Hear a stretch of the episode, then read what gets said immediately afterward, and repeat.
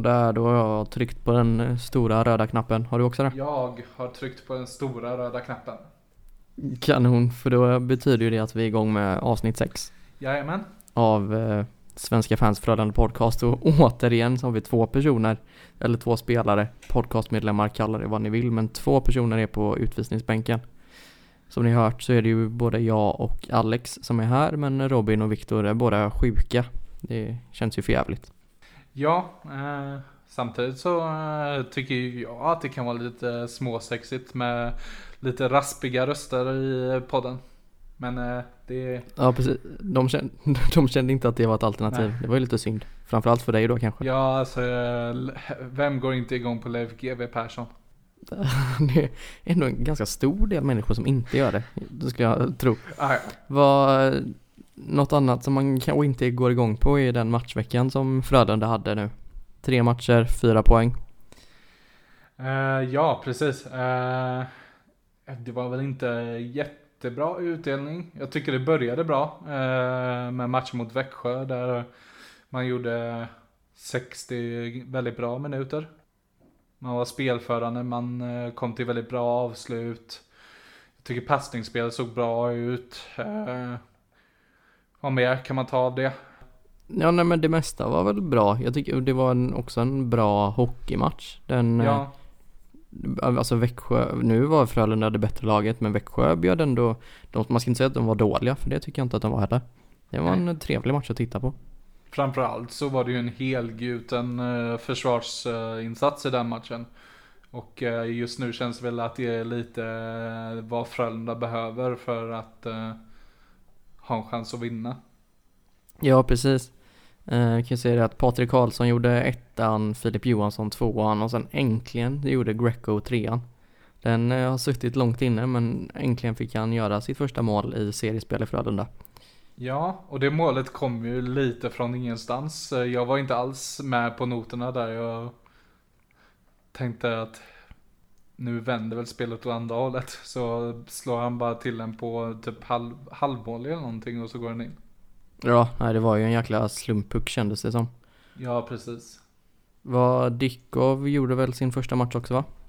Ja, och det gjorde han med bravur, tycker jag. Det tycker jag med. Inget att klaga på egentligen. Nej, han kändes eh, riktigt, eh, riktigt stabil där. Han hade riktigt bra puckkontroll, släppte väldigt få returer. Kändes som han gav en, eh, ja, du ska, jag tillhör inte de som tycker att man ska kritisera Lasse för mycket för hans insatser hittills. Eh, så med det som jag ska säga nu så menar jag absolut ingen shade mot Lasse Johansson. Men det kändes som att Dickov gav eh, försvaret en trygghet som man kanske inte har sett tidigare under säsongen. Det kändes stabilt bak. Ja, verkligen. Eh, procent. Eh, tycker att Folin och Lindbom gjorde bra insatser. Eh, och då är det ändå två backar som jag kanske hellre ser att de skulle ha andra ba- backar bredvid sig. Eller spela i andra backpar. Men eh, Mm. den här matchen tycker jag de gjorde det bra. Framförallt eh, om jag, nu som sagt det var ju nästan en vecka sedan här men Lindboms insats i den matchen, jag tyckte han stod eh, han- han positionerad rätt i 60 minuter liksom. Nu spelar han inte 60 minuter men de minuterna han var på isen så knappt ett fel, felskär. Och det är väl kanske vad man ska förvänta sig ifrån honom också. Han ska ju ändå vara en ledande back i det här laget. Ja, precis. Sen då så hade vi eh, torsdagens match och då åkte vi bort till, eller vi och vi, men Frölunda åkte bort till Oskarshamn. Och man fick stryk med 5-4 efter förlängning. Ja, det var High Chaparral. Det var det verkligen. Det var ja, I somras så kände man fan, jag längtar efter att få känna lite känslor igen och sen så nu stod man här i omgång, vad var det, fem mot Oskarshamn och kände att kan det inte bara bli augusti igen? För eh, det var högt och det var lågt. Ja, verkligen. Eh, jag som eh, personligen inte tycker att Oskarshamn är något jättekul motstånd att möta egentligen. Tycker jag ändå att den här matchen så, eller ganska många matcher som de har spelat inledningsvis så har de ändå eh, varit väldigt effektiva och gör mål, gör mål på väldigt få skott. Så jag får nog eh, chi på den. Ja, den matchen var väl nästan löjlig. Jag tror Niklas Norlind skrev på Twitter en gång att de hade upp mot 25% i skotteffektivitet. Och då, med en sån effektivitet så förlorar man ju inte matcher. Det är, sen att om det beror på att de hade riktigt sjuka snipes den matchen eller att Frölundas försvarsspel lämnade mer att önska, det kan vi väl låta vara osagt. Men det är ju en osannolik utdelning. Ja, jag räknade ju till, eller ja det är ju inte så svårt att räkna egentligen, men det blev totalt eh, fyra vändningar i den här matchen. Först eh, vände ju Frölunda 0-1 till 1-2, sen vände Oskarshamn eh, 2-1 till 3-2. Sen vände Frölunda igen 3-2 till 4-3.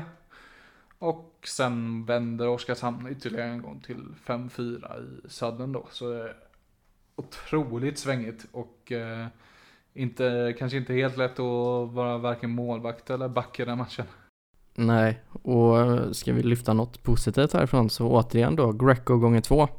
Till att ja. börja med så fick han ju bara ett mål men så här i efterhand så har de justerat att han hade en styrning på, var det Lasu kanske? Minns inte riktigt vem det var som han styrde in. Men två mål på Greco, ett för Tom Nilsson och så ett för Joel Lundqvist. Mm. Det var Filip Johanssons uh, kanon som han styrde in. Så var det. Alldeles riktigt. Det, vi kommer ju till matchen mot Leksand snart också, men även där gjorda mål. Det är viktigt och det är framförallt eh, skönt för han själv tror jag, att få sätta de puckarna. Nu gjorde han fyra mål den här veckan på tre matcher. Tror att det, är det, har han äntligen vaknat så kommer det göra enorm skillnad för Frölunda att allt inte bara behöver ligga på framförallt då Innala kanske i målskyttet. Ja, eh, nu tror jag att Greco har verkligen kommit in i det. Framförallt så har han eh, hittat nätet eh, ordentligt. Och eh, det jag kanske saknar, inte från honom eh, så sett, men jag saknar kanske att han får en utpräglad powerplay-position där han kan använda sitt skott lite mer.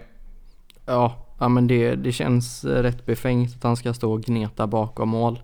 Sen så är det ju, vi kommer väl prata en del om powerplay sen. Ja. Men jag är helt med att man bör rotera lite. Sen så är det då kanske ganska tuff konkurrens så som uppställningen ser ut nu när man kör Ryan ute till vänsterkanten och så kör du, vad heter han, Jere Innala på Viktor Olofssons gamla skottposition där ute till höger. Ja. Då är det inte så många positioner kvar för Greco att stå på liksom. Men uh, ja, mer om det sen kanske. Ja, men det hade de inte, de har ju flyttat honom till PP2, Greco. Så han är, är ju inte med eh, Innala eller Lash längre. Ja, då är det ju ännu mer orimligt, eller man ska säga, att han inte står ut på någon av kanterna kanske. Men ja. ja. Sen så om vi ska, vi kan hänga kvar lite vid Oskarshamn. De har ju fått, Oskarshamns lag har ju fått Eh, man får ändå säga det, otrolig utdelning på sina importspelare. Eh, vänta. Suomela har ju varit eh, riktigt bra för dem och även minns jag exakt, Blaine Byron hette han så. Han gjorde debut och gjorde väl två kassar mot Frölunda. Han var ruggigt nära på att göra ett tredje. Mm. Ja, man kanske, deras scouting har de haft riktigt, eller den har varit riktigt vass. Det här eh, transferfönstret eller vad man ska säga. Thomas Fröberg, Thomas Fröberg ju, verkar ju vara väldigt duktig på att uh, hitta bra spelare när man inte har så stor plånbok. Ja, precis. Ja, det ska de ha cred för. Sen några som absolut inte ska ha cred den matchen är domarna. Det är tråkigt att behöva, eller, eller ja, jag tycker inte att det är så tråkigt för jag tycker att eh, det är en absolut punkt värd att ta upp. Men det var en helt horribel domarinsats. Ja, och då tänker vi fram, om vi ska liksom pinpointa det så tänker vi framförallt på den utvisningen som Jakob Nilsson fick då i första perioden där. Ja, sen så var det inte bara den. Det finns flera tveksamma beslut i den matchen. Framförallt efter den Jakob Nilsson situationen så inser väl domaren också att den det var nog aldrig någon utvisning för de tar en jättebillig utvisning på en Oskarshamnsspelare bara några sekvenser efter liksom. Men den, den, den utvisningen på Jakob Nilsson är bland det mest befängda jag sett. Han får en tvåa för att existera.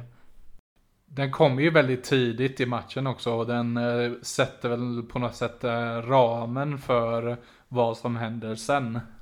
Ja precis, för de gjorde det ju inte lätt för sig domarna, det kan man inte säga direkt. Precis. Det var väl någon videogranskning som, ja absolut, den är Den är Vad ska man säga, den är så här och jag, nu är vi, vi har sagt att vi är Sveriges mest enögda podcast, men min känsla är att de, den typen av videogranskningar går alltid emot Frölunda. När det är Frölunda som gör målet blir det bortdömt, när det är Frölunda som släpper in målet har det en tendens att bli godkänt. Sen så skulle nog de flesta supportrar för de flesta lagen argumentera för att det känns just så för deras lag också. Ja, precis. Ja, det är den. Greco åkte ju också på, jag tror han hade en mindre lyckad match utvisningsmässigt, för jag tror att han fick två stycken. Varav den ena är att han står och jabbar lite mot Tim Juel, var det som stod i kassen tror jag, för Oskarshamn. Efter avblåsning så står han och liksom två, slår två hugg upp i bröstet. De är på något sätt inte hugg utan det är väl mer två tillstötningar. Och absolut att det kan man ta en utvisning för. Och det är jätteklantigt av Greco att göra så. Men när domarna tar den utvisningen så sätter de ju sig också lite i den problematiken att då behöver de nog ta ganska många fler under matchen när man är på och gruffar på spelare efter avblåsning. Så att eh, det är väl inte en felaktig utvisning men det är en utvisning som sätter nivån rätt lågt tycker jag. Ja, verkligen. Eh, jag, jag tycker att nivån måste vara lite högre än så. Eh, och eh, domarna, det är klart som tusan att domarna har ett, eh, en jätteutmaning framför sig den här eh, säsongen. Speciellt med tanke på att vi verkar ha sett en babyboom i filmningar den här säsongen. Jag, eller, eller så är det bara jag som upplever att det har exploderat med förstärk, förstärkningar nu. Ja, frågan är, om, frågan är om förstärkningen har blivit fler eller om man noterar det mer bara för att nu delar de faktiskt ut straff, om en helt löjliga straff. Men nu blir man ju också bestraffad. De är, ju, de är ju löjliga för att det är ju inga pengar för de flesta hockeyspelarna liksom. Det är, jag, jag, tycker att det ska vara på en eh, månadslön eh, för, alltså inte en hockeyspelares månadslön men typ, säg eh, en vanlig arbetarklass månadslön.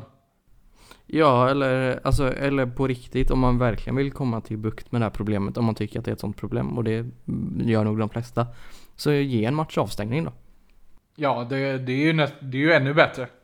Då blir det ju kännbart på riktigt. Ja, alltså ekonomiska, kallar det, ekonomiska sanktioner är ju vad de är, men det här är också spelare som drar in ett par miljoner om året liksom, i de flesta ja. fallen.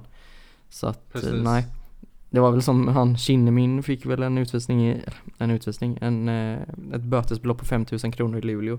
Varav jag såg någon kommentar på Twitter eller Facebook, minns inte riktigt, där det var inte alla Luleåsupportrar för jag också, om man ska vara sån, så har jag faktiskt sett rätt många Luleåsupportrar som tar kraftigt avstånd. Men det var i alla fall några som hade gått in och gjort en liten insamling för att betala hans filmningsböter. Det är ju intressant take på det hela, får man ändå säga. Jag som inte tycker om uh, Swish-insamlingar heller. uh, jag, jag hade inte ens, jag har inte ens sett det här. Eller, nej. Så jag, ja nej det, det här uh, tycker jag inte om. Ja, det är ändå, det är en liten sån mini-veckans indianare typ. Ja, men ska vi gå, gå vidare till kanske den tråkigaste tillställningen den här veckan då? Som utspelade ja. sig i Skandinavium i lördags. Där får vi konstatera att Leksand var bättre, tycker jag. Det var de.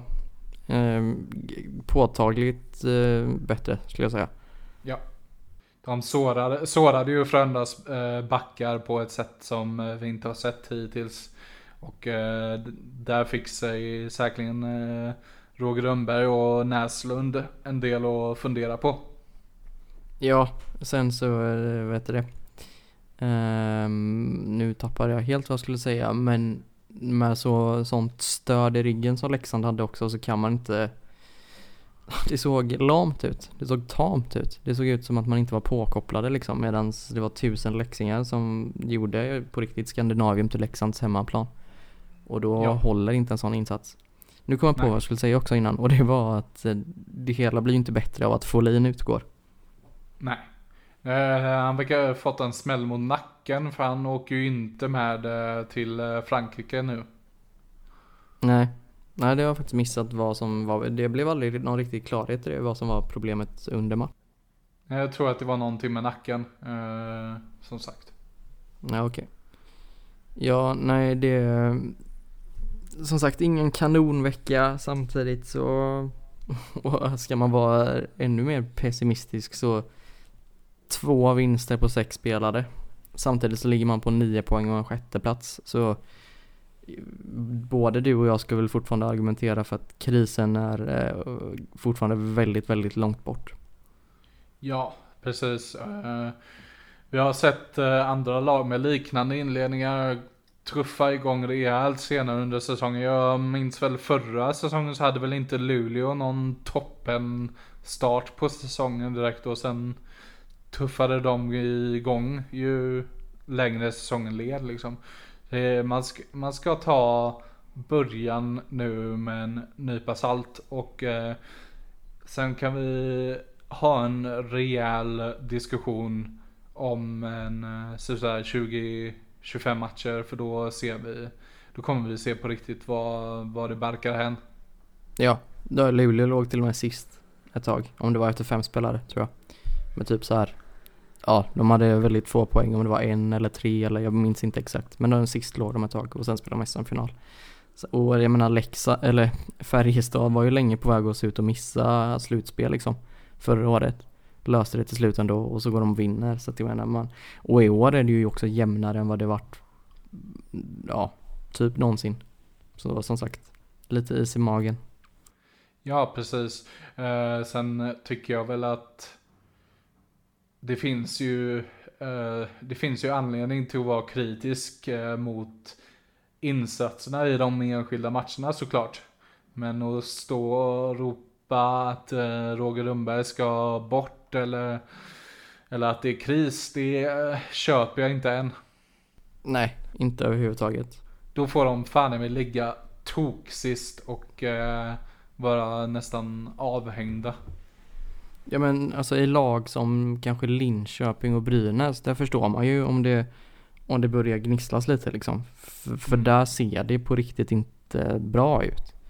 Frölunda har ändå gjort rätt många bra matcher. Problemet har varit att man inte lyckas, ja, dels målskyttet och framförallt eh, spelet i special teams. Man lyckas inte, när man går upp i 2-1 ledning så lyckas man inte göra 3-1 trots att man ofta har kraftiga spelövertag. Det är ju det som är skillnaden i, i Växjö-matchen tycker jag jämfört med jämfört med matcherna, de, alltså egentligen alla övriga matcher. Där får man in 3-1 och det ser ganska stabilt ut och man har egentligen fortfarande samma problem att man skapar ändå mycket chanser utan att göra mål. Men det 3-1 målet ger ju en, ett lugn som inte har funnits i de andra matcherna liksom. Ja. Sen eh, kan vi ju komma ihåg också att eh, vi var väldigt nära tre poäng mot Oskarshamn. Det är ju något jävla flipperspel som gör att de får med sig 4-4 och sen eh, förlängning. Ja precis, men det var en sån match liksom. En skottprocent ja, på typ 25. Så att jag menar, det kändes inte så otippat att det skulle svänga det hållet.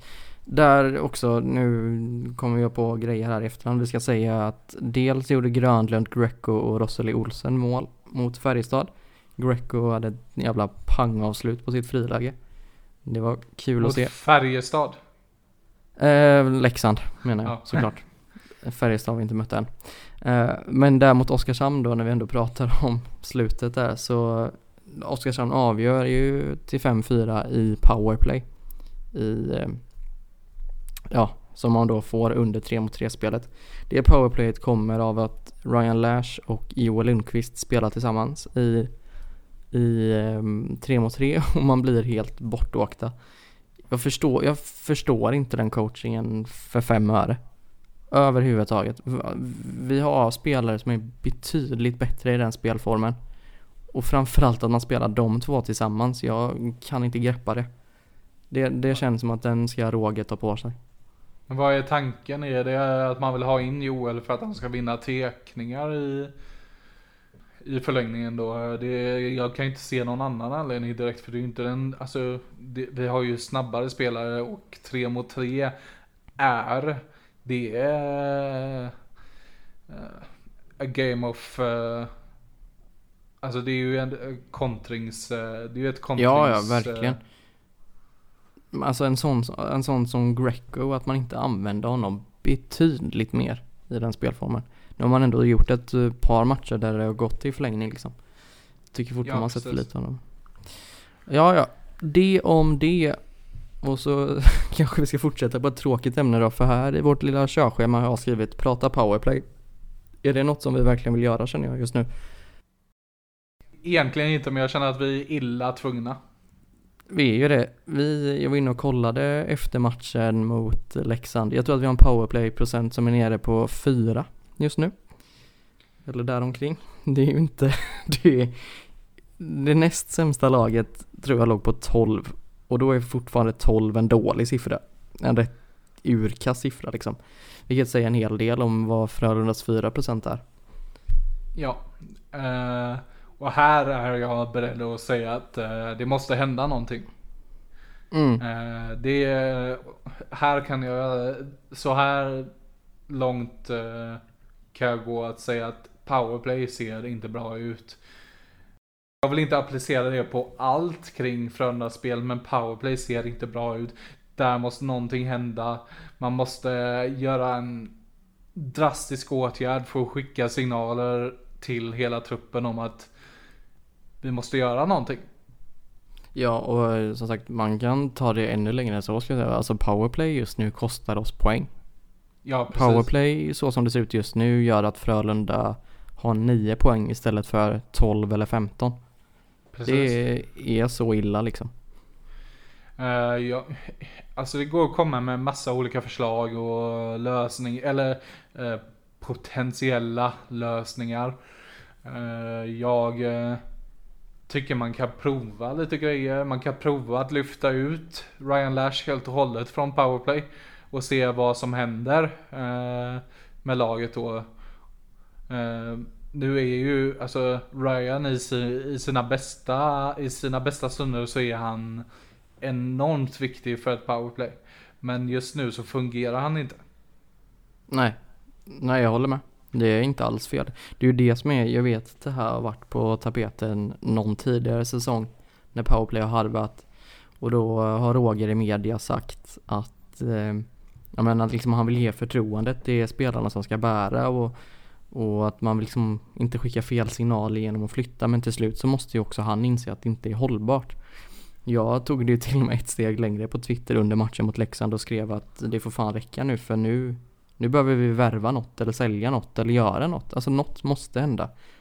Det, ja, vi får Jag tänker att de har eventuellt en rätt trevlig, eh, det blir ju nästan som en träningsmatch i morgon, tisdag mot Grenoble det är ju ett ja. lag som man ska fullständigt mosa. Och där bör man också kunna liksom, få fart, eller vad ska man säga, omstarta powerplay någonstans då. Eh, jag tror att det kan vara läge i en sån match att testa lite grejer. Eh, för det är ju matcher som man ska vinna. Även om powerplay inte fungerar så kommer Frölunda göra mål i 5 mot 5. Man kommer gå vinnande ur båda matcherna mot Grenoble ta i trä. Ja. Ja men det tror jag också. Uh, ja, nej men vi kanske ska hoppa vidare till de kommande matcherna denna veckan. Nu har vi ju inte statistik-Viktor med oss eh, och jag har inte kollat upp eh, vem som har gjort flest poäng i de fem senaste matcherna mot eh, Växjö eller Luleå. Men så, så här, vi... vi kan ställa en annan fråga då. Har, tror du, har Frölunda någonsin tidigare mött franskt motstånd? Någonsin? Mm. Jag, jag har faktiskt inget svar på det men jag tror inte det. Jag tror inte heller det. Uh, jag vågar inte säga helt säkert.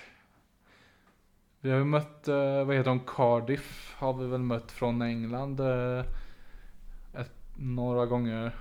Ja, från Wales där och sen så Sheffield också ja. tror jag någon gång.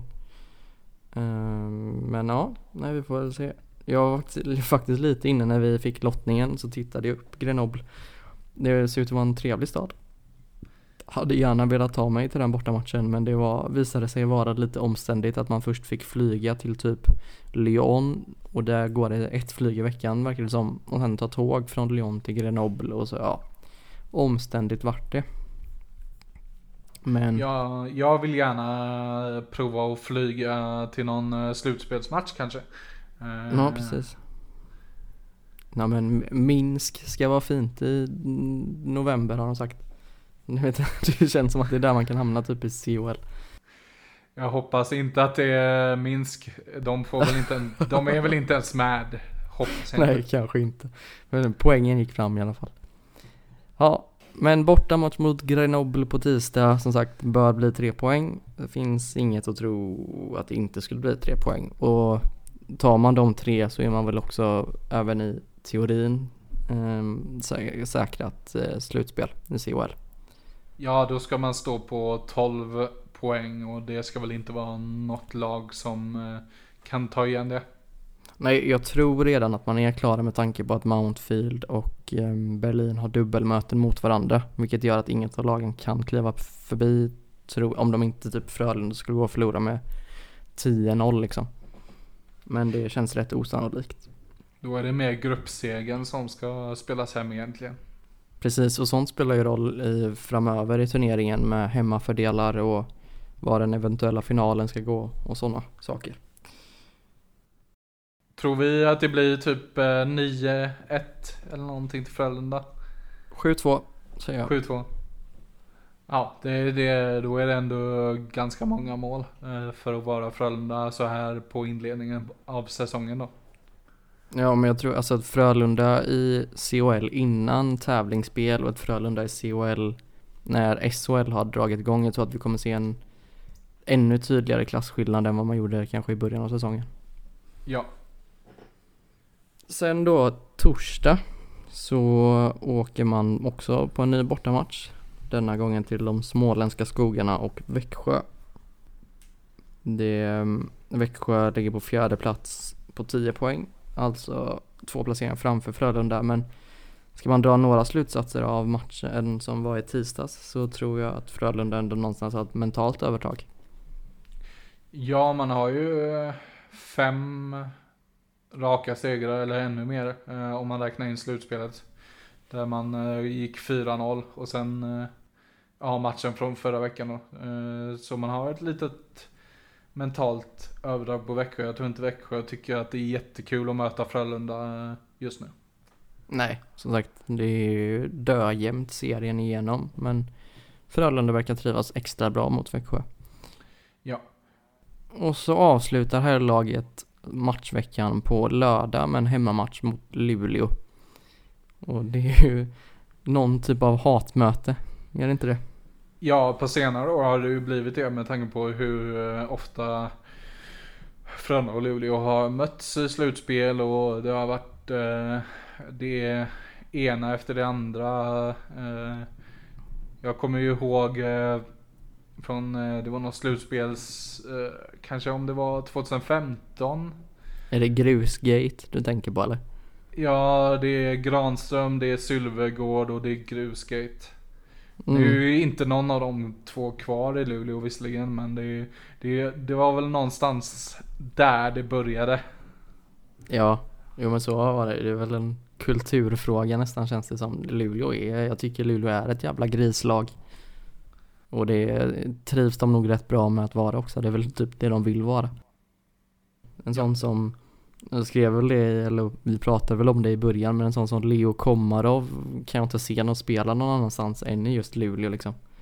Så riktig grishockey.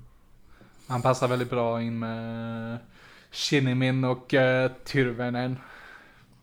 Mm, det är väl inte helt omöjligt att eh, vi får se lite skådespeleri i Skandinavien också, även fast det är en hockeymatch vi ska titta på.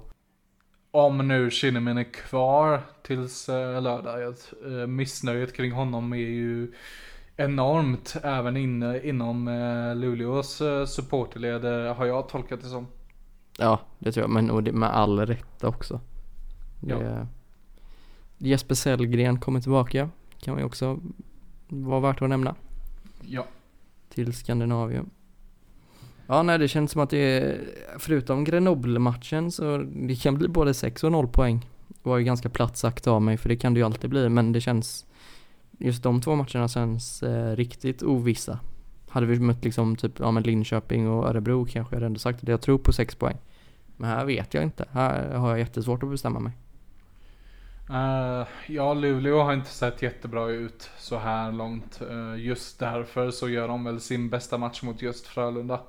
Men uh, jag tror att eh, det kommer bli ett väldigt eh, bra möte där på lördag och kommer nog Ja det kommer nog bli en del fight, eller inte fighting bokstavligen men det kommer bli en hel del heta känslor, en hel del eh, eh, småfula saker och som det brukar vara mot Luleå. Ja, och förhoppningsvis så är ju Folin tillbaka.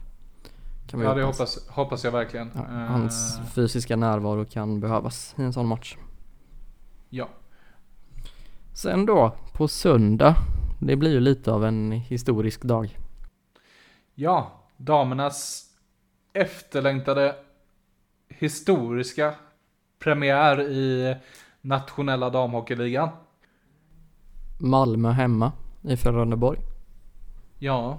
Det är ändå sålts på rätt bra med biljetter vad det verkar som. Ja, det verkar som att trycket ökar lite nu också. Eh, nu när man eh, kan, eh, nu kan man inte köpa damernas biljetter via Ticketmaster men det finns länkar eh, på Ticketmaster även till damernas matcher.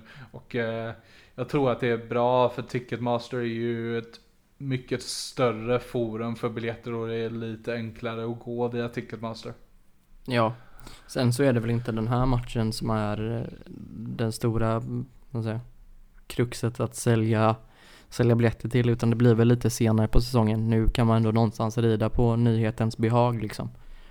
Utan det är ja. ju så om 8-9 matcher att de ska kunna sälja ungefär samma mängd biljetter då. Det är där den stora utmaningen ligger tror jag.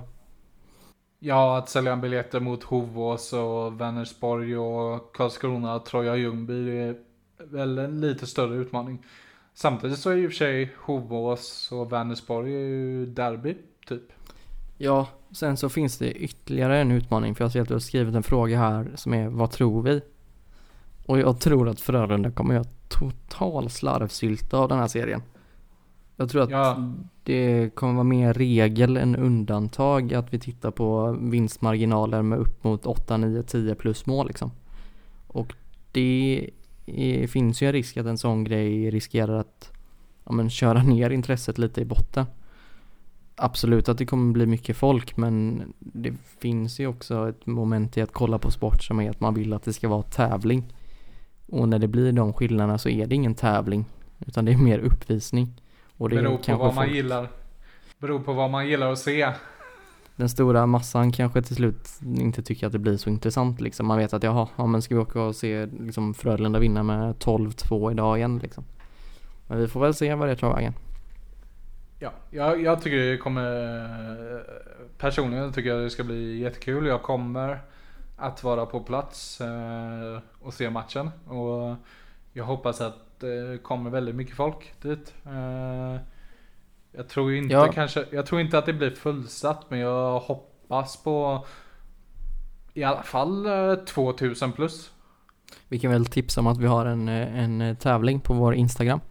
Som man ja, gärna får gå in och kolla på. Vi kan ju, ja, vi kan avhandla snabbt där. Vi har en liten utlottning av biljetter där.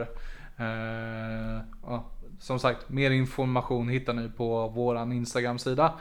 Eh, och, och, på eh, samma tema så har väl du varit och vad ska man säga, fixat med en liten överraskning som vi tänkte släppa på torsdag då? Ja, precis. Eh, utan att säga för mycket så kommer det någon liten grej på torsdag så det är bara att hålla utkik. Eh, det är lite på temat om eh, Fröl Frölundas damlag. Mm. Ja men gött. Då, eh, nu när inte Robin är så får vi ta och axla veckans indianare känns det som.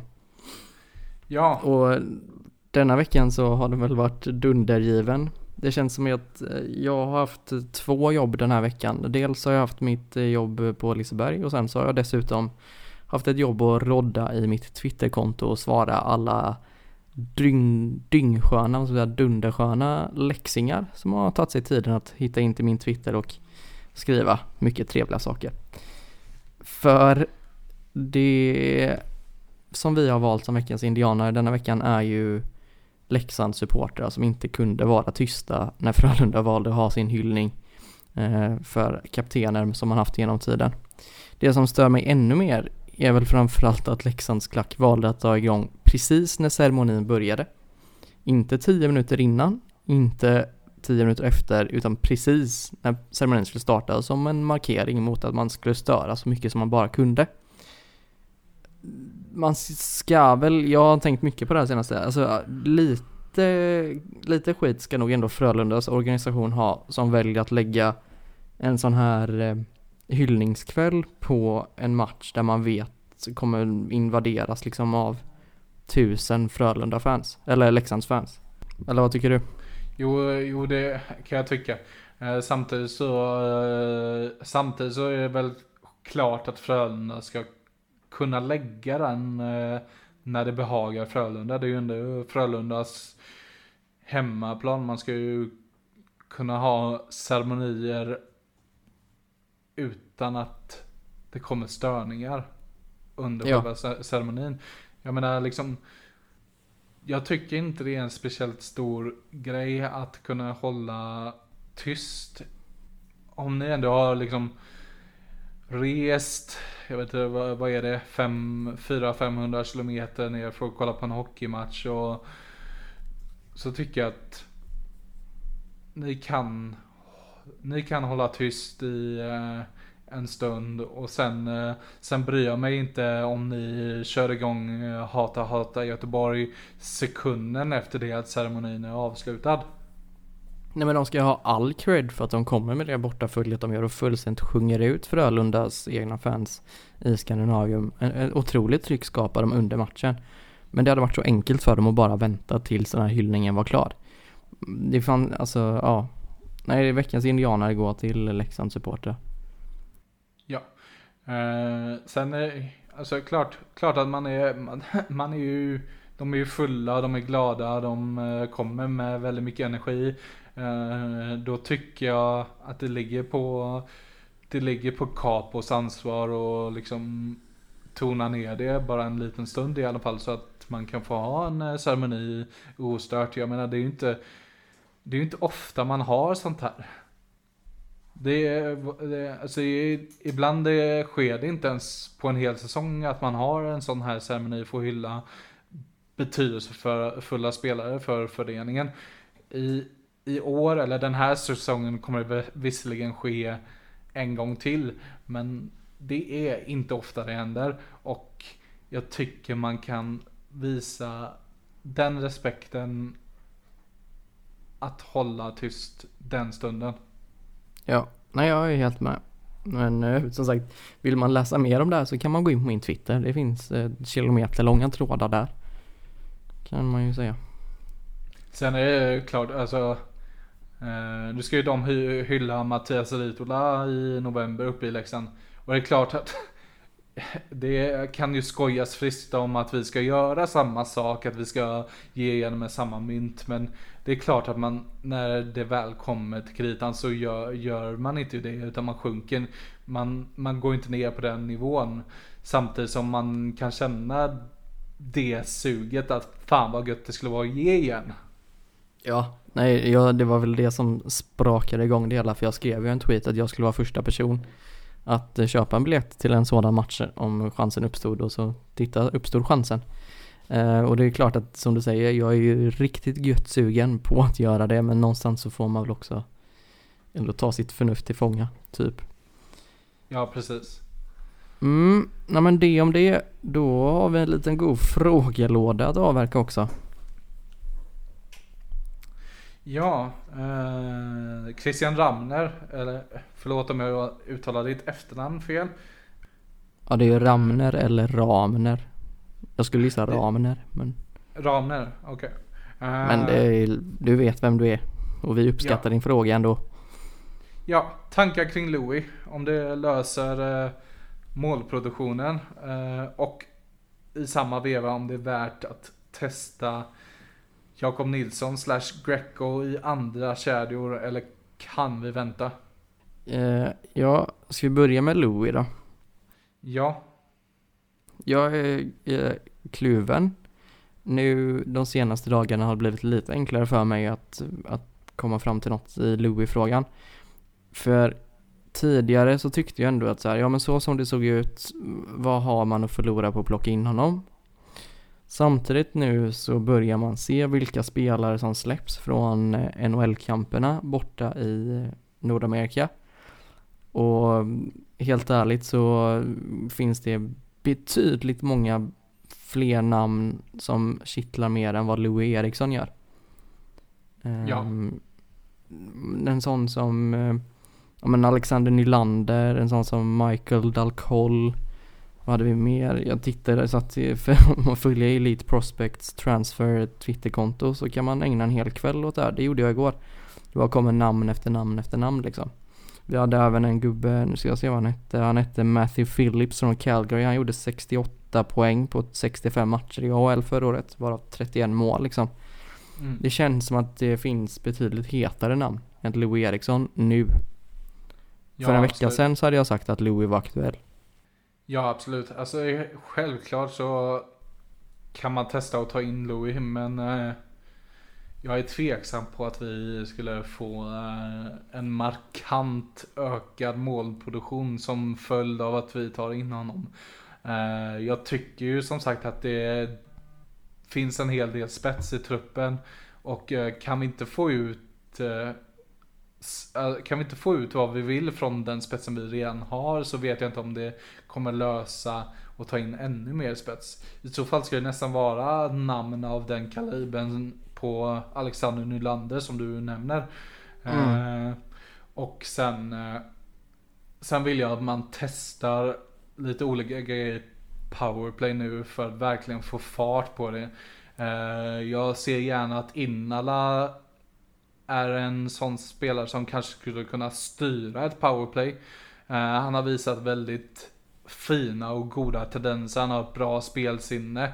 Eh, inte att han ska styra det ensam, för jag tror inte det fungerar längre. Men jag, jag tror att det kan vara en bra idé att ha honom som en styrande spelare som roterar med en annan. Ja, nej men för det är ju exakt, det är väl där också. Jag känner att så här, ger det de här den här veckan, matcherna mot Grenoble är väl en parentes i sammanhanget, men matcherna mot eh, Växjö och Luleå.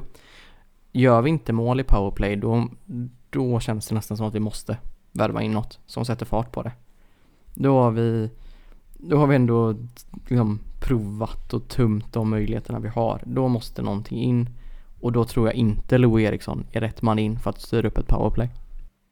Nej, och sen eh, Sen kan ju jag önska lite matchcoachning också eh, i slutet av matcherna. Nu var jag visserligen inte det i powerplay men i slutet av matchen mot Leksand där när man tar ut målvakten så hade jag ju gärna sett att man bytte plats på Filip Johansson och Pontus Johansson.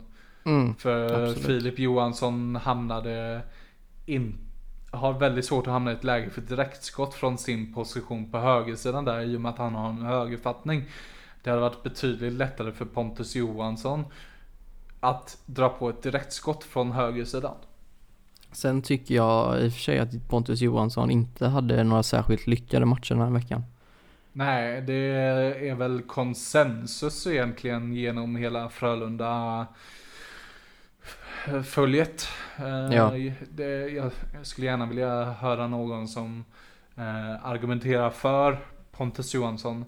Eh, för jag tror ändå, med risk för att jag har varit väldigt kritisk mot honom.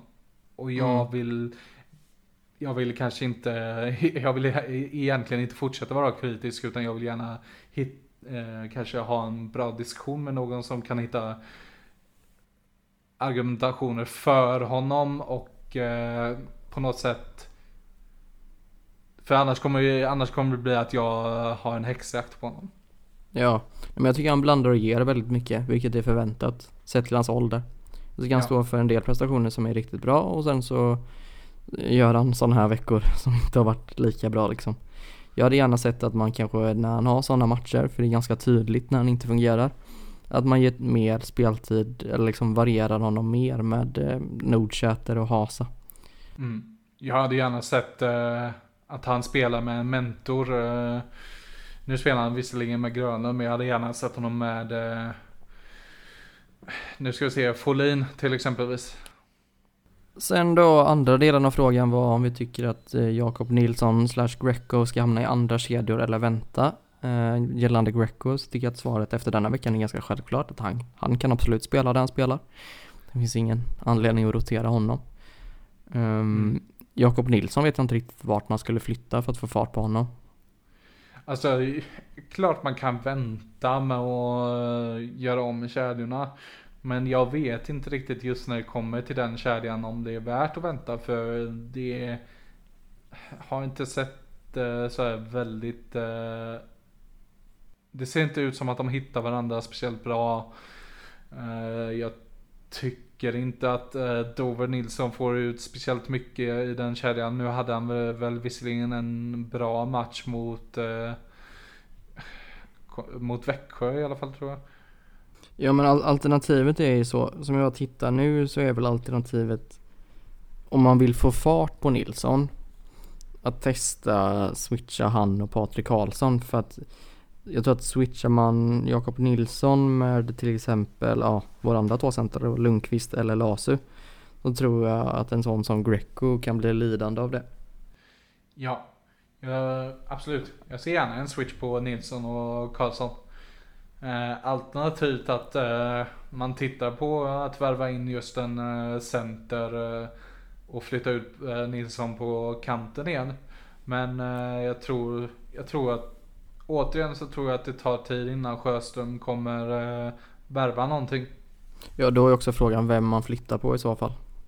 Det är inte helt lätt det heller. Nej. Okej. Men det var det om den frågan. Jag tänker vi traskar vidare till Häckys fråga och den är vad anser vi om att Intersport har hand om vår försäljning av merch och inte klubben själv? Ehm, jag anser ingenting egentligen tror jag faktiskt. Jag anser att klubben ska ha hand om det själv. Mm. Jag tycker inte utbudet av souvenirer som vi har just nu är nu, är, nu, nu ska man visserligen slänga in en brasklapp här och säga att vi har ett alldeles nytt klubbmärke och det tar tid kanske att bygga upp eh, ett stabilt utbud av souvenirer. Men eh, det här är även inte sport med Indianen och jag tycker inte det var bra då heller. Eh, jag, jag tror att skulle klubben ha hand om det själva så tror jag att man kan öka utbudet av olika souvenirer. Vi ser till exempelvis IFK Göteborg som sköter eh, eh, sin souvenirförsäljning med bravur. Alltså det är, eh, har du varit inne i deras eh, shop någon gång? Jag funderar bara mer på, för jag skulle precis komma till det med Göteborg, eller IFK Göteborg så. Uh, nu avbröt jag lite, men jag tror att blir inte det lite problematik i att Frölunda skulle, alltså var skulle man lägga en eventuell sån shop någonstans? Jag tror inte att Skandinavium är ett alternativ för det. Jag tror inte att Gotevent är speciellt sugna på att inhysa Frölunda i en sån shop där, som skulle vara öppet på dylikt sätt. Och då finner man sig helt plötsligt i ett logistikproblem att man, om man själv ska an- ansvara för sin merchförsäljning så ska man liksom ha ja, men ett lager, en logistikpersonal, liksom allt sånt. Jag tror Ja, att precis. av bekvämlighetsskäl och så länge det är en hyfsat god ekonomisk affär så är det väl inte dumt att låta inte sport ha kvar det så som situationen ser ut just nu. Sen skulle man möjligtvis i sin framtid äga en egen arena och kunna ha en egen klubbshop på det sättet som till exempel Frölunda har då. Ja då kanske frågan är värd att lyfta igen. Ja, precis. Eh, sen Intersport är väl någon slags, av, eh, någon slags huvudpartner till Frölunda och som sådan så tror jag att eh, Frölunda tjänar riktigt bra cash från Intersport. Eh, och det kanske är någonting man inte vill ge upp i första taget. Och jag tycker väl egentligen eh, att det är tråkigt om det skulle falla på, falla på det. För jag tror att eh, i längden skulle man ju nog förmodligen vinna på att ha en egen eh, försäljning om man kan ge ett bredare utbud. Skapa ett större sug för supportrar att köpa grejer så skulle ju troligen det i längden göra det mer ekonomiskt vad säger man? Lönsamt. Ja, så, så, ja, jag håller med. Men just nu så, ja, så tror jag att man, man tjänar väldigt bra cash från Intersport. Och eh, in, Intersport kan ju liksom i alla deras butiker så kan de ha en Frölunda sektion med prylar och sälja i, ja, som sagt i alla butiker. Även, även om inte de sektionerna är så här jättestora. Sen så tror jag väl att de tar säkert en andel av Frölundas merch som säljs. Det är väl ja. kanske det Häcke är ute efter, att man har kunnat bli av med det på så sätt. Men, ja, ja, precis. Och på så sätt så hade man troligen i längden tjänat mer på att ha eh, på att stå för, stå för försäljningen helt själva. Mm. Ja men vi hinner väl med en sista fråga innan vi trycker på stoppknappen här. Och ja. ja. det blir väl en fråga som vi delar upp i två kanske egentligen. För Erik Andersin undrar vilka lag vi tycker sämst om respektive person medverkar i den här podden. Och då är det ju bara du och jag här idag. Men då kan du och jag svara idag i alla fall så kan, kan eh, Viktor och Robin ta det nästa vecka. Ja absolut. Och jag då får de se till att vara med också. Precis. Jag kan börja och fram till i lördags hade jag ju svarat Luleå 10 gånger av 10. Ska jag svara här och nu så känner jag ju att jag inte är jätte jättefan av Leksand kanske. det det är ju för, är det inte för att det är väldigt färskt med allt som hände i lördags och så? Jag tror att det är väldigt färskt, men också för att jag har haft sådana intensiva diskussioner med dem på Twitter och de har ju visat sig vara rätt dumma. Uh, alltså, Mm, ja men just nu Leksand i tuff, tuff konkurrens med Luleå. Luleå på grund av den rivaliteten som finns. Sen så herregud, i grund och botten så är sån här rivalitet bra och det bygger upp känslor. Det var tråkigt om man kom överens med alla och gillade alla andra lag liksom. Då hade det inte varit något kul. Men just nu så har jag nog mest agg mot Leksand faktiskt. Ja, precis. Nej men eh, det är ju det är så det är. Vi vill ju äh, tjafsas med Leksandsfans och Luleå-fans och allt möjligt så eh, det är ju liksom bara kul om det bygger på rivaliteten eh, lite om man kan hålla det på en bra nivå liksom. Mm. Du då? För egen del, eh, det kommer alltid vara Färjestad. Mm, ja. Det, det, kom, det ligger kvar sedan gammalt. Eh, eh, från Ja, från 2000, äh, finalmötena 2003, 2005, 2006. Där framförallt äh, 2006 när äh, Ledin äh, var ute och gjorde både, både det ena och det andra. Är det, är det råttet i mågat? Ja. Är det, är det den Ja, den precis. När han kallar, kallade våra målvakt för tjockis. Och eh, sen, eh, sen tappade fullständigt på eh, på videodomaren. Din tjocka jävla tattar eller? Ja, precis. Ja, klassiker. Sånt byggde på Färjestad rivaliteten något enormt och det som gjort att den kanske har svalnat lite på senare år är att man inte har fått möta Färjestad i slutspel. Mm. Men skulle det hända igen att man möter Färjestad i slutspel då kommer ju, då är jag övertygad om att det kommer komma tillbaka så. Ja man minns väl bara sist när vi mötte dem för några år sedan i COL slutspel.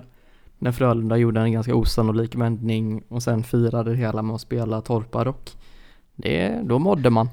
Ja och när, ja och sen, ja sen just det att eh, de inte blev så, det var några Färjestadare som inte blev glada över att vi spelade torparrock. Eh, för att man ansåg att det var ett hån. Eh, och sen blev det en historia det var det. Också. Ja, men det hör ju till. Och jag gillar det. Det hör till och det är liksom jag tycker det är väldigt tråkigt hela den grejen med att Frölundas presschef gick ut och bad om ursäkt för det. Det tycker jag inte att man ska behöva göra. Nej, det är fjantigt. Det är rivalitet som hör till. Ja, någonstans där landade med Färjestad. Uh, man minns ju även uh, den kvartsfinalserien när vi åkte ut mot dem 2008 när Mikael Holmqvist ger en rak höger ifrån, ifrån, ifrån spelarbåset till en Färjestadspelare. Det är också sån, en sån grej man minns. Det, var, det är ju i och för sig var inte jättesnyggt gjort men det bygger ju också på rivaliteten fast uh, mer från deras sida kanske. Att man ja, inte tycker så kul om oss. Nej. Men uh, sen är det klart, Luleå tycker man inte om heller. Gör man inte. Inte, inte laget, inte supportrarna jättemycket heller. Jag tycker om staden. Eh, jag har inget emot att åka upp eh, till staden och kolla på ishockey men eh, laget och supportrarna. Ja, nej och sen så på tal om både Luleå och Leksand så är jag också otroligt svårt för bägge de lagens tränare. Både Bulan Berglund och Björn Hellkvist tycker jag. Och jag förstår att man, om man inte håller på Frölunda så gillar man inte Roger heller. Det, så är det, men jag tycker både Bulan Berglund och eh, Björn Hellkvist är otroligt osympatiska. Ja, verkligen. Men det, det, det är ju också, det är också för att vi är enögda och det har vi ju sagt att vi ska vara här. Så är det. Ja. Uh, ja. Men ska vi stänga butiken för denna veckan? Det blir inte mycket roligare än så här va? Det blir inte det. Jag fick också ett samtal precis, det var därför jag försvann. Kanske, jag vet inte. Mm. Ja, jag, jag blev lite orolig där bara, vänta, försvann du helt nu? Jag hoppas att Aha, du sparar. nej det var, det var ett samtal som ringde som störde vår lilla inspelning här. Men det löste ju sig till slut. Men då hörs vi väl nästa vecka då? Det gör vi. På återhörande. Ha det gött.